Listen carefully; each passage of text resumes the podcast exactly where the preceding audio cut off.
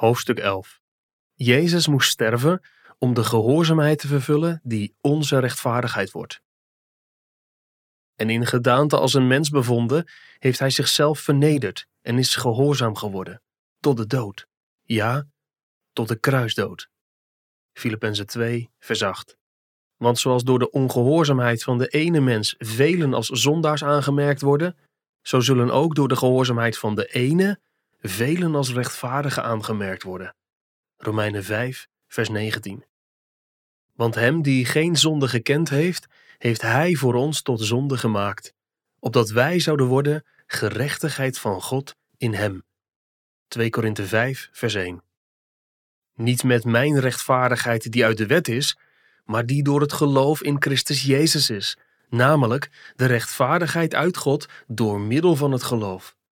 Filippenzen 3, vers 9.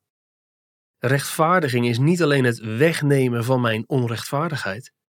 Het is ook het aan mij toerekenen van de rechtvaardigheid van Christus. Ik beschik niet over een rechtvaardigheid die me aangenaam maakt voor God.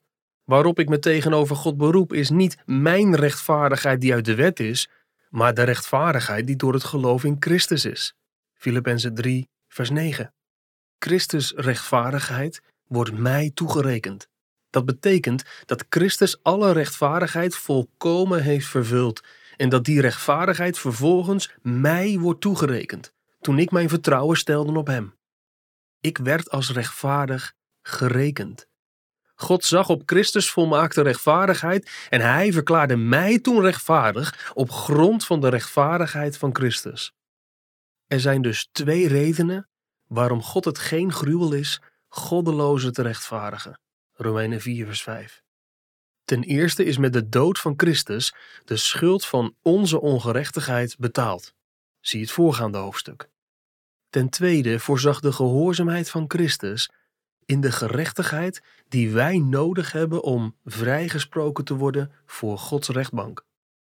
De eisen die God stelt aan het binnengaan van het eeuwige leven houden niet alleen in dat onze ongerechtigheid is weggenomen, maar ook dat wordt vastgesteld dat wij volkomen rechtvaardig zijn. Het lijden en sterven van Christus vormt de basis voor beide. Zijn lijden is het lijden dat wij verdienden vanwege onze ongerechtigheden. Hij is om onze overtredingen verwond, om onze ongerechtigheden verbrijzeld. Jesaja 53 vers 5. Maar zijn lijden en sterven vormden tegelijkertijd de climax en de voltooiing van de gehoorzaamheid die de basis werd van onze rechtvaardiging. Hij is gehoorzaam geworden tot de dood, ja, tot de kruisdood. Filippenzen 2, vers 8.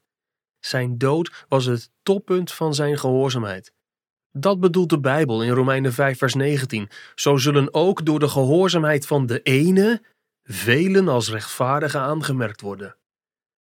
Christus dood werd de grondslag voor onze vergeving en onze volmaaktheid. Want hem die geen zonde gekend heeft, heeft hij voor ons tot zonde gemaakt, opdat wij zouden worden gerechtigheid van God in hem. 2 Korinthe 5, vers 21. Wat betekent het dat wij, die zondaars zijn, gerechtigheid van God in Christus worden? Het betekent hetzelfde, namelijk dat Christus gerechtigheid aan ons wordt toegerekend en dat Hij zo onze volmaaktheid wordt.